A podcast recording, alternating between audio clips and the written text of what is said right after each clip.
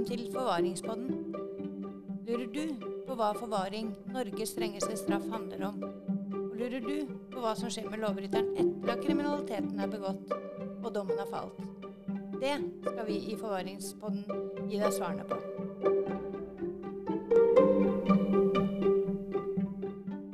Hei, og velkommen til Forvaringspodden. I dagens episode så skal vi snakke mer om sikkerhet. Og for å gjøre det, så har vi fått med oss eh, Thomas eh, Osheim. Thomas eh, han jobber i dag som leder for straffegjennomføringsseksjon ved Ila fengsel og forvaringsanstalt. Han har tidligere vært både inspektør, avdelingsleder og aspirantveileder. I tillegg så har han jobba med innsatte på avdeling for særlig høyt sikkerhet. Velkommen til Forvaringspodden, Thomas. Tusen takk. Som nevnt eh, innledningsvis, så vil denne episoden handle om eh, sikkerhet, og også sikkerhet og forvaring. Men sikkerhet er jo et, eh, et stort og kraftig begrep. Jeg vet ikke om vi skal begynne å utdype litt mer om hva vi tenker om det. Ja, jeg tenker det er ganske fint når du sier kraftig begrep, for det er jo litt, litt jeg har, jeg har hatt noen foredrag og jeg har snakket til, til mennesker om, om tanker rundt sikkerhetsbegrepet, og at det har en sånn ganske sånn noe tungt over seg, en litt sånn tung forankring i hele begrepet, og i hvert fall i en sånn folkelig sammenheng fort kan, kan hektes på, på, på enkelte ting som, som gjør det fort litt snevert, eh, tenker jeg. Eh, så det begrepet i seg sjøl er jo interessant å, å røre litt eh, ved, tenker jeg. I en fengselssammenheng så er det jo fort å, å se for seg at, eh, at sikkerhet handler om det, liksom det fysiske, det man ser. Um, kan de klassiske gjerdene og de murene vi ser rundt oss, og, og ting som tematiseres i filmer, som på en måte eh, gjør noe overfor den innsatte direkte. Og så kan man dra det litt videre i forhold til det teknologiske, at man har overvåkning osv. Men her er jeg opptatt av sikkerhet er så mye, mye mer. Um, og spesielt handler det jo veldig ofte om de, de menneskene som utøver det her sikkerhetsarbeidet. De ansatte som er på plass, eh, og som selvfølgelig benytter seg av disse hjelpemidlene som vi snakker litt om. Eh, og for å få fram det som kanskje blir et litt annet type begrep eh, som man kan introdusere, og er viktig at folk har et forhold til, som er, som er riktig sikkerhet. Og her er nå- kan man fort si god sikkerhet. Da. Fordi at når vi snakker om, om, om sikkerhet i fengselssammenheng, så, så tenker i hvert fall jeg ofte at sikkerhet står opp mot uh, trygghet. Tryggheten for samfunnet. Og det er jo det det, handler om, at vi skal jo skape en sikkerhet. Eh, men vi skal jo skape en sikkerhet for veldig, for veldig mange også. Eller god sikkerhet, da, som du sier. Ja, og det her er jo, eh, det er jo tydeliggjort og, er jo synlig for oss helt fra de, fra de visjonene som, som kriminalomsorgen har. Altså at vi skal være en aktiv kriminalomsorg, og vi skal skape et tryggere samfunn der ute. Og i verdiene som er skapt, spesielt rundt det her trygghetsbegrepet som, som er tematisert der, så, så ønsker vi jo å trygghetsskape noe overfor eh, disse ulike aktørene som er på utsida. Altså, det kan være pårørende, en vanlig mann i gata, men det skal òg være i forhold til de, til de domfelte, altså de innsatte, og de ansatte som skal utføre, og de, alle de her eksterne samarbeidspartnerne som vi har, som er involvert i de ulike deler av vårt arbeid. Og så handler jo mye av det her om å bygge relasjoner. Det her å skape tillit eh, og, og vise respekt. Det er òg en utvida forståelse av sikkerhetsbegrepet. Ting som gjør at vi får et større sånn, totalbilde rundt å møte sikkerhetsbegrepet og, og sikkerhetstankegangen, som er et sånt veldig sånn, typisk eh, begrep å bruke. Uh, og da blir det her viktige delmomenter underveis i, i, i det type arbeid. Jeg har egentlig litt lyst, Thomas, bare helt sånn nå i innledningsvis, da, fordi Marit introduserte deg jo og fortalte det at du har jobbet i avdeling med særlig høy sikkerhet. Og det er egentlig noe vi ikke har snakka noe særlig om. Så jeg tenker at lytterne kanskje lurer på hva det er. Ja, det er riktig. Jeg har erfaring fra å jobbe med særlig høy sikkerhet. Og det, eh, det er et eget regelverk som medfølger av å, jobbe på særlig høy sikkerhet. Og eh, min erfaring fra, fra den tiden er jo primært som, som betjent, altså, eh, og sammenligne med, med de innsatte som er underlagt de her restriksjonene. Og det som jeg tenker jeg, ønsker liksom å belyse litt her og si litt mer om, det er jo at, eh, at med et sånt opplevd ganske man kan si, veldig sånn strengt regime, så er det fort at det blir en maskinell utøvelse av yrket. Eh, det snevrer inn eh, eh, det her skjønnet vårt. Det snevrer inn vår mulighet til å påvirke. Og, og, det, og, det, utfordrer oss på en annen type måte enn man kan gjøre på, på det man tenker jeg har mest erfaring fra høy sikkerhet, og ikke minst ansatte som jobber mye mer på lavere sikkerhet. Og det, det er i seg sjøl en, en, en, problemstilling som, som, man må jobbe med og ta med seg i det daglige arbeidet på, på høy sikkerhet. Er at, at, ting er mye mer detaljorientert. Eh, man kan nesten gå ned på, på bevegelses, eh, hvor man skal bevege seg, hvilken måte man skal forholde seg sånn eh, kommunikativt. Eh, Eh, men Thomas, hvis jeg kan få lov til å avbryte bare litt, for du snakker om det med skjønnsutøvelse. Og det forundrer meg jo litt når vi snakker om, eh, om sikkerhetsbegrepet. For at, eh, og i hvert fall i, i fengselssammenheng. Altså, har vi rom for å utøve skjønn når vi tenker sikkerhet? Ja, det har vi. Og det er et veldig viktig moment innenfor sikkerhetsarbeidet. Og en, en ting jeg, forventer av de som jobber i, i, i kriminalomsorgen. For det, de har utøvd det her skjønnet. Å ha et forhold til skjønn, så er man med å, å, å, tenke god sikkerhet. Og tenke individualisert sikkerhet opp mot ulike individer, og opp mot de situasjonene som enhver tid man er oppe i på sin arbeidsplass. Og det, det å bruke skjønn går jo ikke bare i det daglige situasjonene, de vurderingene man står i, det handler òg om de vurderinger man gjør dokumentasjon som foreligger. Hvordan man utøver sitt faglige skjønn, kan man jo se på, på flere arenaer. Og Det er et veldig viktig måte å uttrykke at sikkerhet må utøves forskjellig opp mot de individene vi har ansvaret for til enhver tid. Som gjør at uh, man kommer til de, de veikryssene som er et fengsel opp mot de ulike innsatte. Men jeg syns jo, Thomas, det er veldig interessant når du sier at du forventer og krever av de ansatte at uh, alle skal ta skjønnsmessige vurderinger hele tiden. Eh, for det første så sier det jo veldig mye om kompleksiteten til fengselsbetjentrollen. Og én ting er at det skal tas faglig skjønn og tas sikkerhetsmessige risikovurderinger fra mm, ledere som kanskje tar de største avgjørelsene. Men det skal det jo også fengselsbetjentene. Og det som jeg syns også er interessant i det, er at eh, vi, vi gjør det hele tiden. Hver eneste dag opptil flere hundre, kanskje. Bare det om hvorvidt man skal låse opp en dør eller ikke. Så går det masse refleksjoner rundt i, hjernen til uh, den ansatte. Men samtidig så kan vi jo også oppleve at når vi blir utfordra For selv om regelverket vårt er, baserer seg på en del skjønnsmessige vurderinger, men så har vi også en del eh, regler som er ganske sånne klare.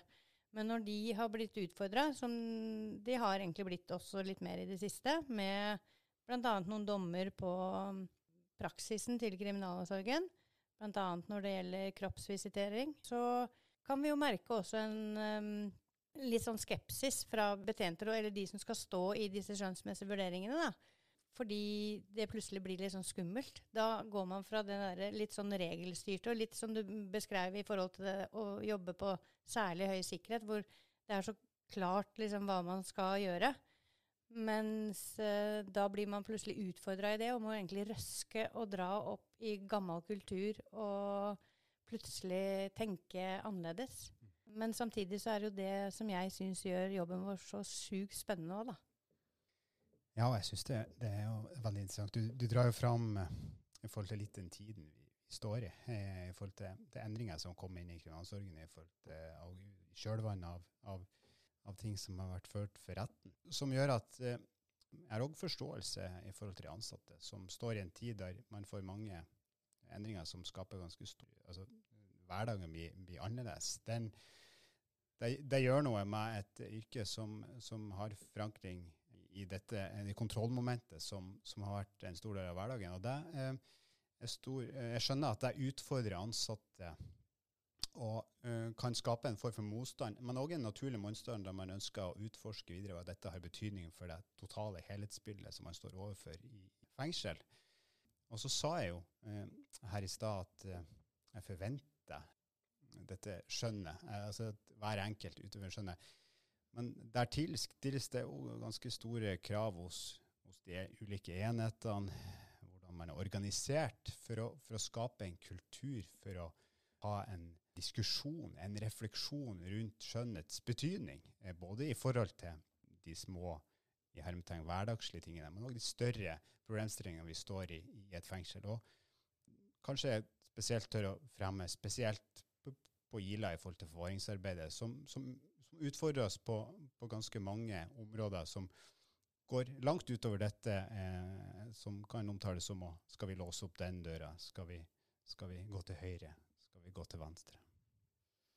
Ja, der er du liksom inne på egentlig litt den derre balansegangen som vi står i hele tiden. Fordi, og da har jeg lyst til å liksom dra det her egentlig helt tilbake til, til sikkerhet, og hvordan iallfall vi i kriminalomsorgen vi har noen ulike begreper når vi snakker om sikkerhet. Vi snakker om statisk sikkerhet, som er litt som du betegna i stad, altså de tinga som vi ser, gjerder, låser.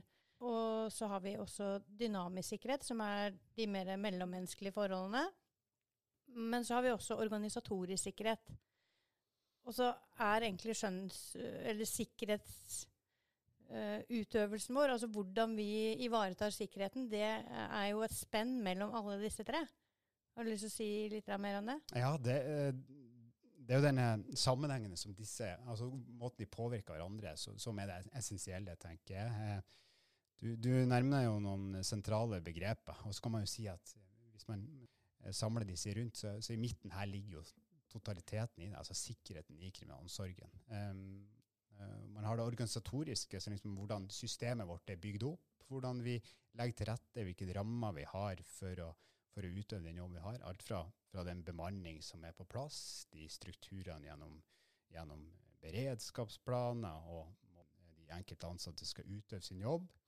Man har det her statiske, og det statiske er jo liksom nok en gang litt sånt um, et gammeldags begrep, vil jeg si egentlig. Vi må tørre å, å mjuke altså, mer Dra inn kanskje det teknologiske, som nå er mye mer på banen enn det, det var tidligere. Måten vi, vi, vi kan bruke eh, hjelpemidler eller rammebetingelser for å utøve sikkerhet uten at det kanskje er nødvendigvis mennesker involvert, eh, som den tidligere rundt kamera og gjerder og diverse. Men så har vi kanskje den aller viktigste, det dynamiske som veldig folkelig kan sies handler mye om den, de, de relasjonene, det menneskelige. Den eh, kontakten vi har med de, de, innsatte. Og her ligger det jo veldig, veldig mye. Um, her ligger det jo kjennskap, her ligger det um, relasjon over tid, og hvordan vi bruker de arenaer og den, og den kjennskapen som er både i vårt eget system, eh, i den unike relasjonen som er bygd opp til, de, til, de, til hver enkelt domfelt, men ikke minst hvordan man strukturerer jobben rundt hver enkelt innsatt. Thomas, du bruker jo begrepet av dynamisk sikkerhet. Hva er det egentlig vi gjør i et fengsel når vi utøver dynamisk sikkerhet? Jeg tenkte ikke jeg skulle lese opp noen definisjon. Jeg tenkte jeg skulle prøve å snakke litt gjennom hva jeg tenker, og hva jeg mener det. Um, det, handler, det for meg handler her veldig mye om å være rundt og være sammen med innsatte. Det å snakke, kjenne tempen på et miljø. Både et miljø innsatte sammen, men òg enkeltindividene som er et miljø. Det er mye av essensen, tenker jeg. Og Måten man gjør det her, det er jo selvfølgelig gjennom treffpunkter som er i det daglige med de innsatte. Men òg mellom eh, samtaler som man har. Eh, både de har i mellomrommet, men òg de planlagte samtaler som man gjør med de ulike innsatte. Kanskje da spesielt opp mot de innsatte som man har et særlig ansvar overfor som kontaktbetjent kanskje. Og så det handler òg veldig mye om hvordan man uh, gjør seg kjent med de innsatte som man har ansvar med til daglig. Eh, hvordan man setter seg inn i dokumenter som foreligger, de bakgrunnshistorier som er, og hvordan man møter dialogen med de innsatte. Og det her handler jo mye om den respekten som man har overfor de innsatte i det daglige, og den ydmykenheten som man viser. Det jo å, vil jo være med å skape en, en plattform som, som, gjør at innsatte ønsker å ha en relasjon til oss tilbake. Det um, ser jeg som veldig viktig. Mm. Da kan jeg egentlig bare skyte inn for å belyse litt mer òg, hvordan vi jobber med det. For lytterne som kanskje ikke vet det, men når to vaktlag møtes, da, det er vaktskifte, så handler det en del av sikkerhetsarbeidet vårt det handler jo om å overlappe til hverandre. Informasjon om hva som har skjedd den dagen, eller ja, hva det måtte være. Og da kan man jo gå inn på de statiske tinga, altså de rene fysiske forholda og hva som er nytt eller ikke nytt, eller ja, hva, det snakker man litt om. Men det er jo veldig liten grad vi egentlig bruker på det. Det vi bruker mest på av disse overlappingstidene, det er jo å snakke om de innsatte. Og det handler om å snakke om hvordan de oppleves den dagen. Er det en som har det vanskelig? Ja, alt mulig sånt som gjør at vi kan møte dem på en bedre måte, og hvor vi kanskje kan prøve å fange opp hva er det vi kan gjøre for å legge forholdene til rette.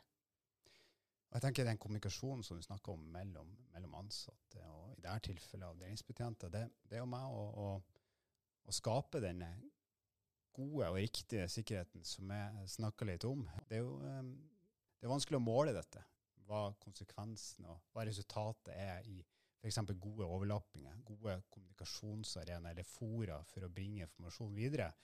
Men det man vet, det er jo helt åpenbart at det er med å forhindre ting. Eh, forhindre ting rundt den enkelte innsatte, men ikke minst rundt et miljø og et fengsel som helhet. Og her er jo våre ansatte, som, som alle andre ansatte i, i andre bedrifter eller, eller, virksomheter, så er jo vi forskjellige. Og man blir forskjellig gjennom den kompetanse man har, de ressurser man har, men ikke minst den erfaring man opparbeider seg, som gjør at vi kan få spissa denne, for å bruke denne overlappingsarenaen som eksempel, man kan få spissa denne overlappingsarenaen ganske bra, sånn at, at, man får den riktige informasjonen videre. Hvilken, hvis man skal si, hvilken tidsbruk er riktig for å ha, for å en god nok overlapping? Det, er, det blir veldig vanskelig å tallfeste og si at f.eks. en time nok. Eh, men her handler det mye om den erfaringa som de ulike tjenestemennene har med seg, og da man siler ut en viktig informasjon.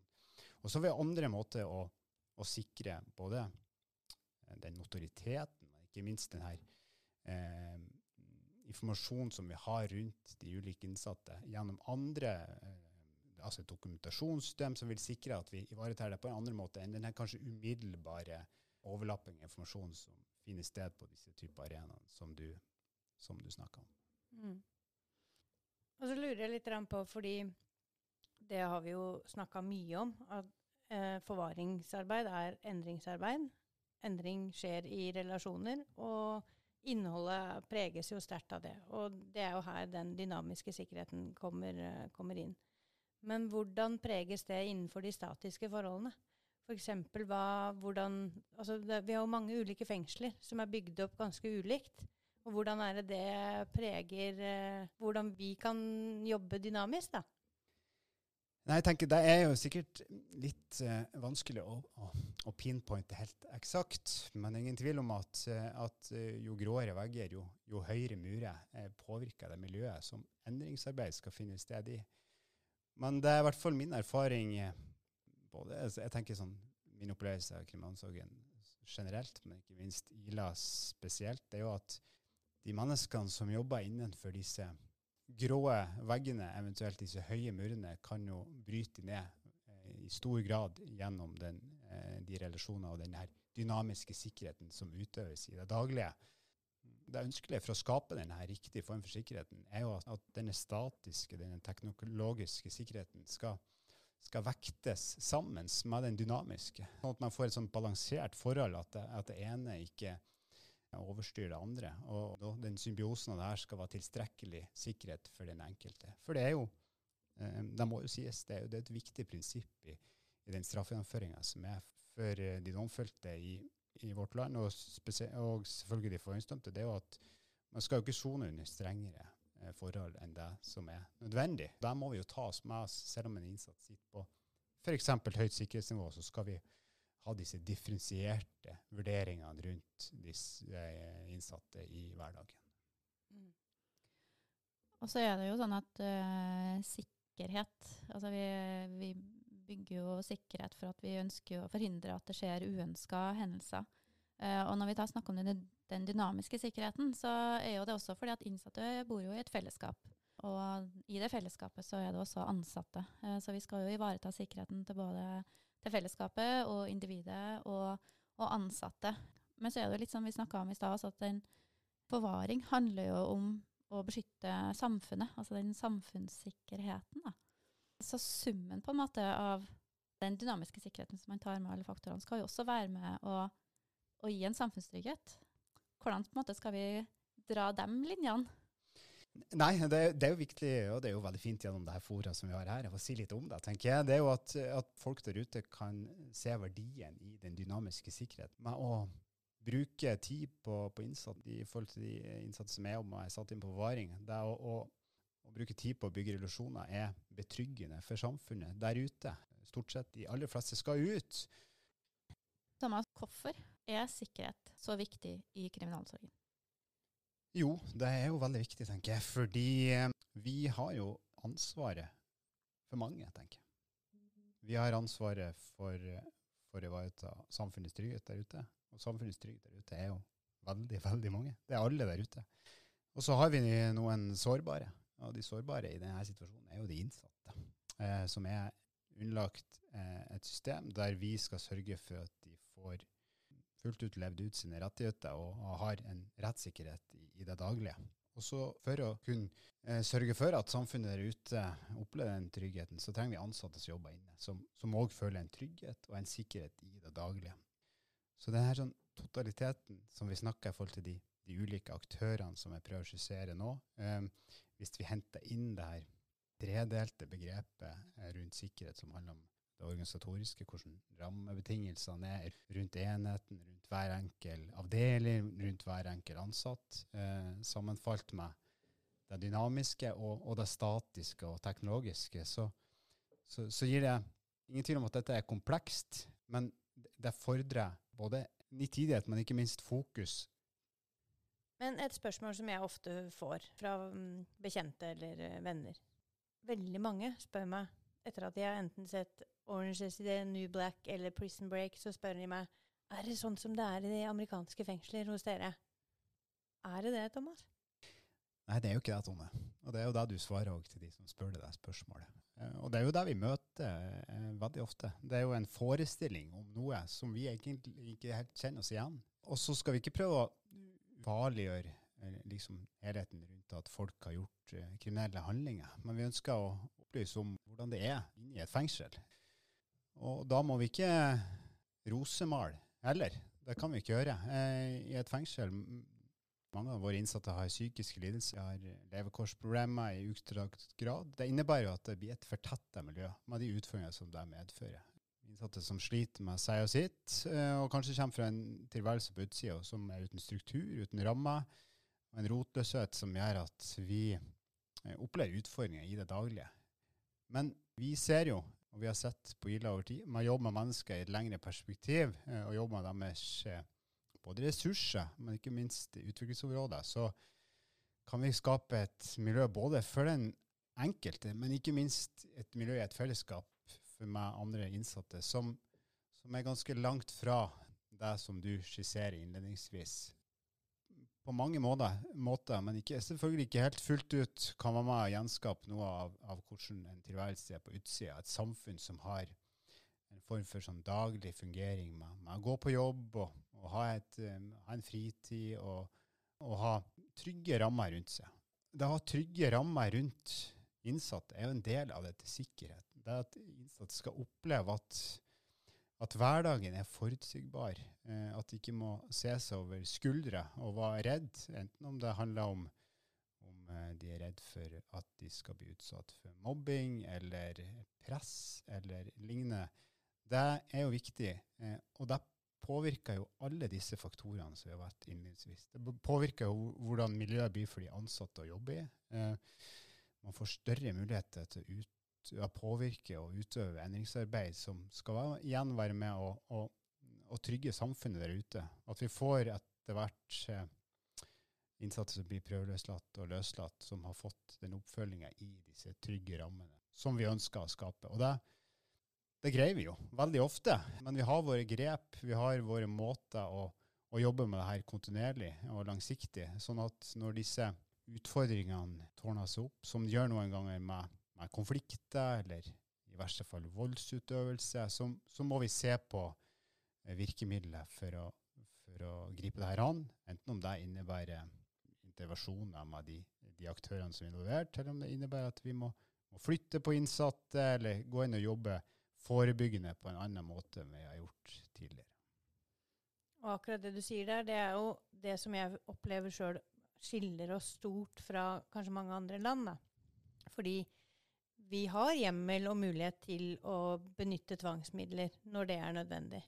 Uh, men så prøver vi jo i det aller lengste, og vi prøver å hele tida finne de mildeste måtene som vi kan håndtere uh, konflikter eller uh, i verste fall vold. Og hele tiden. Så er det, og det er jo her den dynamiske sikkerheten kommer inn. Ja, og det her er jo veldig, veldig krevende, kan det være, for ansatte. Spesielt hvis vi omtaler disse ansatte som står i den klassiske førstelinja, som møter disse utfordringene daglige.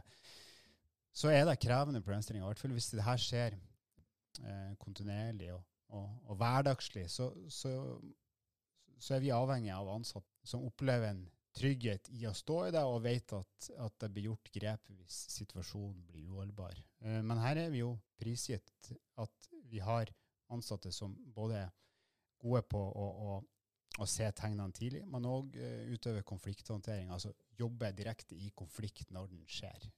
Men det her er, er jo en stor del av ansatte sine arbeidsoppgaver, det er å stå i disse daglige utfordringene som, som, kan utvikle seg til noe, eller kan dempes eh, ganske kjapt hvis man er tidlig på banen.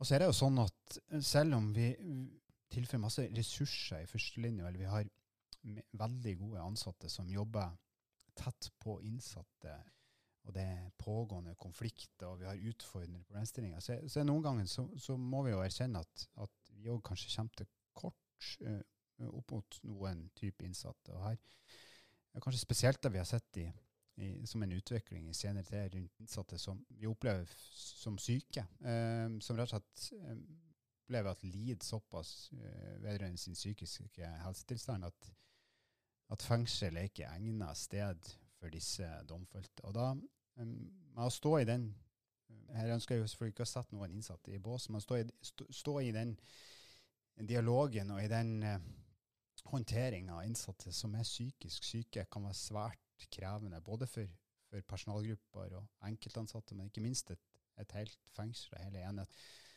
Og da at man kanskje i periodevis får innsatte ut i psykiatrien for korte perioder og får det tilbake igjen og blir disse svingdørspasientene, er, er, noe som vi har kjent, og mange andre har kjent veldig på kroppen i, i de siste årene, og, og en tendens som er helt klart økende. Og, og her ønsker jeg å liksom hente tilbake litt eh, der vi innledningsvis snakka om, om, sikkerhet, og, og det at det her får påvirkning på, på helheten for, for, drift og oppfølging av de innsatte. Det med å, å, bruke mye tid og fokus og ressurser på innsatte som, som, som er såpass syke at de kanskje burde være et annet sted, det tar jo fokus bort fra andre. Og det påvirker hvordan oppfølging som andre innsatte får. Og, og det er veldig krevende for, for, våre ansatte å stå over tid. Og, og, kunne være med og vil kanskje kreve ekstra mye av ledere som skal følge opp i disse periodene når, når man har kanskje flere innsatte som er av denne type. Tenker du at det er litt sånn særskilt eh, forvaring? Altså, vi har jo snakka om det tidligere at forvaringsinnsatte er en kompleks eh, gruppe, gruppe innsatte, uten at vi skal sette noen i bås, selvfølgelig. Men at det, det handler om at de har gjort alvorlig, alvorlig kriminalitet, og at det krever en, en viss en måte, sikkerhet rundt dem også. Eh, og at da ansatte som jobber opp mot forvaringsinnsatte, opplever en annen form, eller et annet behov da, for sikkerhet og trygghet enn andre. Ja, altså Jeg skal nødig sammenligne for mye med andre enheter, men det jeg tenker det er kravene som stilles til oppfølging av, av, de innsatte som vi har ansvaret for, og som da blir innlagt de, de ansatte som jobber opp mot de, det, det, det, er massivt med arbeid. Det krever mye. Ja, det krever mye. Og i tillegg så er det jo for så vidt uh, ivaretakelsen av sikkerheten til den enkelte ansatte og den enkelte innsatte. Men altså, vi har jo hele tida den paraplyen som henger over oss med samfunnssikkerheten. ikke sant? At alt det som foregår inni, inni fengselet da, med med den dynamiske sikkerheten og, og miljøarbeid og endringsarbeid og tilstedeværelse og det samarbeidet da, som, eh, som, må ligge til grunn i forvaringsarbeidet, så skal man tenke eh, samfunnssikkerheten. Ja, og det er jo ingen tvil om at samfunnssikkerheten er i høysetet. Men samtidig så føler jeg også at det sikkerhetsbegrepet i seg sjøl, det blir noen ganger litt sånn ja, litt begrensende. Altså fordi det er så hardt. Og det jeg tror for veldig mange der ute, når de hører ordet sikkerhet og fengsel, så er det liksom Da ser man for seg håndjern, murer, vegger. Altså det er egentlig blir veldig sånn ensbetydende, det. Men hvordan er det vi kan tenke annerledes om sikkerhetsbegrepet? Jeg er helt enig. Eh, altså, sikkerhetsbegrepet er ja, sånn tungt forankre hele begrepet. Og det, det fort ser vi er begrensninger eh, kontra muligheter. Og det er jo fort da kanskje i kraft av, av, av de verdiene vi har, eh, å se kanskje hen til, til trygghetsbegrepet. Og heller tenke liksom, hvordan kan vi skape trygghet for disse ulike aktørene som vi tenker på. Hva kan vi gjøre for å havne i posisjon at, at samfunnet føler seg tryggere? At, at de ansatte føler seg tryggere? Dette kan jo være med å, å mykne opp, tenker jeg, litt eh, denne begrepsheftinga som, som, som vi ser, og kan kanskje være med å, å drive oss videre og utvikles på en annen måte eh, enn med å, å kanskje ha, ha liksom ankre rundt foten i forhold til begrepet sikkerhet. For å få lytterne våre til å forstå hva vi i fengslene jobber med, da, så er det egentlig ganske overførbart å trekke det til det alle gjør hver eneste dag hjemme. Vi tar vurderinger hver eneste dag, enten om det er om vi setter oss i bilen, eller om vi sender ungen ut på sykkel. Så gjøres det vurderinger for å påse at vi eller barn, eller også alle de rundt oss, er trygge. Og det er jo sikkerhet. Det er sikkerhet, og det er jo disse små risikovurderingene som gjøres hele veien i, i livet. Eh, I forhold til familiesituasjonen på, på hjemmebane, når vi beveger oss i trafikken. Og det å se, se summen av disse og betydninga de har, eh, tenker jeg er sånn veldig sånn overførbart for, i, i forhold til en hverdag i fengsel. Vi, vi har jo ikke sånn det er jo helt umulig å ha et helhetlig system for alle disse små vurderingene. Disse, disse skjønnsmessige både eh, nesten disse forprosjektene man har før en gjennomføring. Eh, disse større setter vi i et system og har en klar plan for, men hver dag, hver time rundt omgangen som man har med domfelte, så gjøres det jo vurderinger av tjenestemenn basert på erfaring og strukturer som de er en del av. Og det, det er veldig fort å se denne parallellen til, til en hjemmesituasjon der man jobber seg gjennom noe, og så ser man resultatet av det etter hvert. Og da er det fort å tenke på når man har tatt en risiko, ja, kanskje rundt sitt eget barn, i forhold til å slippe opp på noe, så blir det et resultat. Det, det, kan, det kan skje noe, det kan, få, det kan ha en gevinst. Og det her er jo paralleller som vi, vi ser òg inn, inn i fengsel og i jobben med forvaringsinnsatte. Og så er det jo viktig det med trygghet. Altså vi skal trygge, vi skal trygge så mange. Og så ligger jo alle de risikovurderingene sånn til grunn når vi skal gjøre ulike vurderinger. Og så vil det jo alltid være eh, fare for svikt på et eller annet nivå. Um, og så handler det om hva man kan tåle av en type, uh, eller av en type svikt. Og så er det jo også uttalt at uh, forvaringsinnsatte er Norges farligste innsatte. Eh, det er i hvert fall det som står i media, og som da gir på en måte noen føringer ut i samfunnet. Og hva slags svikt er det egentlig da vi kan tåle? Det syns jeg er et vanskelig spørsmål, Marit. Det synes jeg, Hva vi kan tåle. Men det vi eh, kan si for sikkerhet, at vi kan ikke hermetisere Mm. hverdagen rundt de innsatte. kan Vi ikke. Vi er nødt til å, å, å tåle en viss risiko. Men vi er nok nødt til å se den opp mot eh, hver enkelt domfelt. Hvilke muligheter vi gir, hva slipper vi opp mot uh, rundt denne eh, innsatte, og hva kan vi forutse kan mulig skje? Og er det noe vi kan tåle? Så generalisere spørsmålet og, og gi et svar på det, det syns jeg er vanskelig. Men ingen tvil om at skal vi oppnå en god tilbakeføring rundt de innsatte, skal vi ha en progresjon som er basert på tillit og muligheter, så må vi slippe opp steg for steg og gi innsatte muligheter, sånn at de kan øke den tilliten vi har til dem, og få muligheter til på en trygg og sikker måte ha en bakføring til samfunnet som både gir dem muligheter, og som gir eh, samfunnet der ute en, en trygghet. Ja, og bare for å gi et eksempel der, da, i forhold til hvordan det gjøres sikkerhetsmessige vurderinger. Si f.eks. det er en som har vært ute på permisjon kommer for seint tilbake. Det er eh, da per definisjon et brudd på et av vilkårene ved den permisjonen som, som innsatte har blitt informert om på forhånd. Der har vi da hjemler til å kunne ilegge en reaksjon til straffegjennomføringsloven. Men så er det jo ikke gitt at vi skal gjøre det. Altså Det gjøres jo en vurdering om hvorvidt det er hensiktsmessig eller ikke og formålstjenlig. Og si man velger å, å, ikke gjøre det, da. Fordi at uh, man tenker ok, det var kanskje etter at uh, innsatte har fortalt hvorfor han ble for sein, så ok, det var helt legitim for forseinkomming eller andre forhold. Eller at man velger å på en måte la han få tvilen til gode denne gangen, og at vi heller jobber med det i samtaler og, og den dynamiske måten som vi jobber med. Og så drar han på permisjon igjen. Og så er det samme vilkår der, men han kommer for seint nok en gang. Da vil jo det være en helt annen vurdering. Og hvis det er gjentagende, da, da blir jo vår tillit utfordra i så stor grad at det kan jo da påvirke hans videre utganger seinere. Mm. Absolutt. Altså, du snakker om vilkår. Altså, det er jo, det, vi kan si litt sånn enkelt at, at innsatte, våre innsatte òg, de, de, har muligheten til å få permisjon og så gå, gå ut av, av, fengselet uten følge av tjenestemenn. Og I den sammenheng så, så, blir det oppstilt noen vilkår, altså noen, egentlig noen krav vi setter til den innsatte som de må forholde seg til. At de må kanskje de får lov til å gjøre det, men de får ikke lov til å gjøre det. Eh, og de må kanskje komme tilbake på et gitt tidspunkt. Og så skisserer du at de kanskje kommer for sent, eh, og så skjer det her gjentatte ganger. Og det er jo så nærliggende å tenke at er det et, det er et mønster. Man forholder seg ikke, man, ikke, man tar ikke ansvar. Men allikevel så, så betinger det her at vi er inne og, og ser konkret på det aktuelle. Hva, hva var det som skjedde her? Dette kan medføre at det får en konsekvens for en innsatt. At vi er nødt til å reagere fordi det er grunn til å tro at, at en innsatt ikke, ikke forholder seg til de rammer som vi setter opp rundt sånne type utganger. Og, og der kan jo, i forhold til vårt reaksjonssystem, så kan jo det altså innbefatte en litt sånn en kraftig pekefinger, eller så kan det være mer uh, alvorlige konsekvenser. innebære at man ikke får lov til å dra ut på, på permisjoner innenfor et gitt uh, tidsrom, f.eks.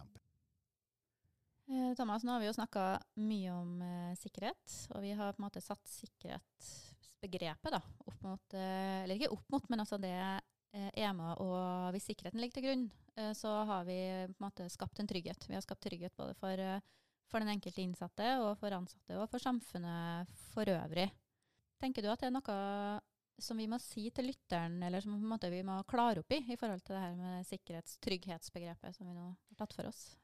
Altså, vi, vi, er jo vi er en del av et lukket system, eh, kriminalomsorgen. Eh, tidligere fengselsvesenet. Og grunnen til at jeg sier tidligere fengselsvesenet, er for at jeg tenker det liksom, kan være litt sånn litt spennende å si litt om det. Altså Overgangen fra fengselsvesenet, kriminalomsorgen i seg sjøl, er å få synliggjort noe rundt våre todelte arbeidsoppgaver. Så det handler om det her både å egentlig tenke liksom, i all enkelhet eh, sørge for å ivareta den tryggheten overfor samfunnet, og den omsorgen som er for de, de individene som, som, er domfelte. Og som jeg ønsker, i forhold til i hvert fall de, de lytterne som, som, som, er der ute, det er å si noe om at her, denne aktive problemstillinga og, og pågående jobben med å forholde seg til det her en todelte arbeidsoppgaven som, som, står overfor oss. Det er ganske viktig å, å, å si noe om i forhold til akkurat, akkurat det her som handler, om, omhandler sikkerhet. Det her at Sikkerhet for oss det handler om å, å, jobbe med de innsatte for at når de en gang kommer ut, det skal være trygt at de er der ute. Og det er, Nå hører jeg si det all sin enkelhet, og med veldig sånn folkelig, men det er jo mye av det vi tenker er vårt aller viktigste oppdrag. Det er jo å jobbe tett med de innsatte mens de er hos oss og, og denne dynamiske sikkerheten, dette relasjonsarbeidet, vi ser jo verdien i det, at det kan skape gode arenaer for utvikling, og herunder muligheten til å endre seg. Og det vil gjøre at uh, i og med at de aller, aller fleste innsatte i, i, norske fengsler skal ut, så vil det skape tryggere medborgere, og herunder tryggere samfunn der ute. Og det strekker vi oss daglig mot. Vi, det er noe, noe, vi vil alltid strekke oss mot og føle at vi ikke når helt, uh, men det anser jeg som kanskje særs viktig å, å, å, si litt om det. Mm. Og det tenker jeg vi kan snakke litt mer om òg, for det med at vi jobber uh, mot at alle skal ut, vil også for, for måte, mange, og da særlig den samfunnssikkerheten, måte, bli litt problematisk. da. For at vi står overfor mennesker som har gjort ulike ting, men alvorlige kriminelle handlinger, som mange i samfunnet fordømmer. Og det er da at vi sitter på andre sida og, og måtte pushe på og ønsker en endring fordi at de skal ut igjen, kan jo skape noe, noe friksjon, da. Ja, og da tror jeg alle enhver som, som, eh, som, er ansatt i kriminalomsorgen, syns det, sånn, det, det, er noe vanskelig å forholde seg til. Når man skal snakke med sin nabo eller en bekjent eller en venn, det er å snakke om at man, man jobber, mot, uh, jobber, med mennesker som har gjort noe som mange omtaler som ganske grusomt. Og, som man ikke ønsker å, å forholde seg til, kanskje. Det, det, sies, altså det, er, det, er, vanskelig. Og da å skal si noe om at det å være i et miljø og samhandle med disse tett kan være noe bra, er jo ikke alltid like enkelt å si. Men da kan vi i hvert fall i denne sammenhengen prøve å plassere det riktig. Finne noen knagger som handler veldig om det sikkerhetsbegrepet som vi, vi har starta med i dag, og liksom kort introdusert litt rundt. Det at vi skal skape trygge miljøer for, for både ansatte og innsatte. Men eh, som et resultat av det her, så, så, ivaretar vi samfunnets sikkerhet på en bedre måte. Mm. Og så har vi snakka om det tidligere også, det at uh, det med å trygge samfunnet. da, At vi som jobber med forvaringsinnsatte, vi jobber med endring, og vi tilrettelegger innholdet i soninga veldig individuelt. Men er det egentlig gode rammer, sikkerhetsmessige rammer, i et fengsel for å drive med endringsarbeid som da blir overførbart ut til samfunnet? Hvis man skal ivareta samfunnstryggheten. Altså, altså, ja. Det krever i hvert fall mye av de som jobber i det miljøet. Og, og, og det er vanskelig å skape ideelle rammer, tenker jeg, i et, i et lukka institusjonsmiljø som et fengsel er. Og det er skrevet, skrevet mye og mangt om akkurat om det. Men at det er muligheter innenfor et fengsel å påvirke eh, de innsatte, det, det tenker jeg det. Å skape lommer i en fengselshverdag som gir muligheter for utvikling, det, det har vi alle tre sett, tenker jeg. Absolutt. Og det at vi har sett det i seg sjøl, gir jo verdien i å jobbe videre med det her både på individnivå, men ikke minst på gruppenivå, som, som vi ser, ser kan være ganske fruktbart i, i mange sammenhenger. Og med det så runder vi av i dag. Tusen hjertelig takk, Thomas. Det har vært eh, en fryd å ha deg her hos oss. Og så må vi bare minne på lytterne våre at vi er på sosiale medier. Eh, vi legger ut info og ønsker veldig gjerne tilbakemeldinger både på Facebook og Instagram på Forvaringspodden. På gjenhør. På gjenhør.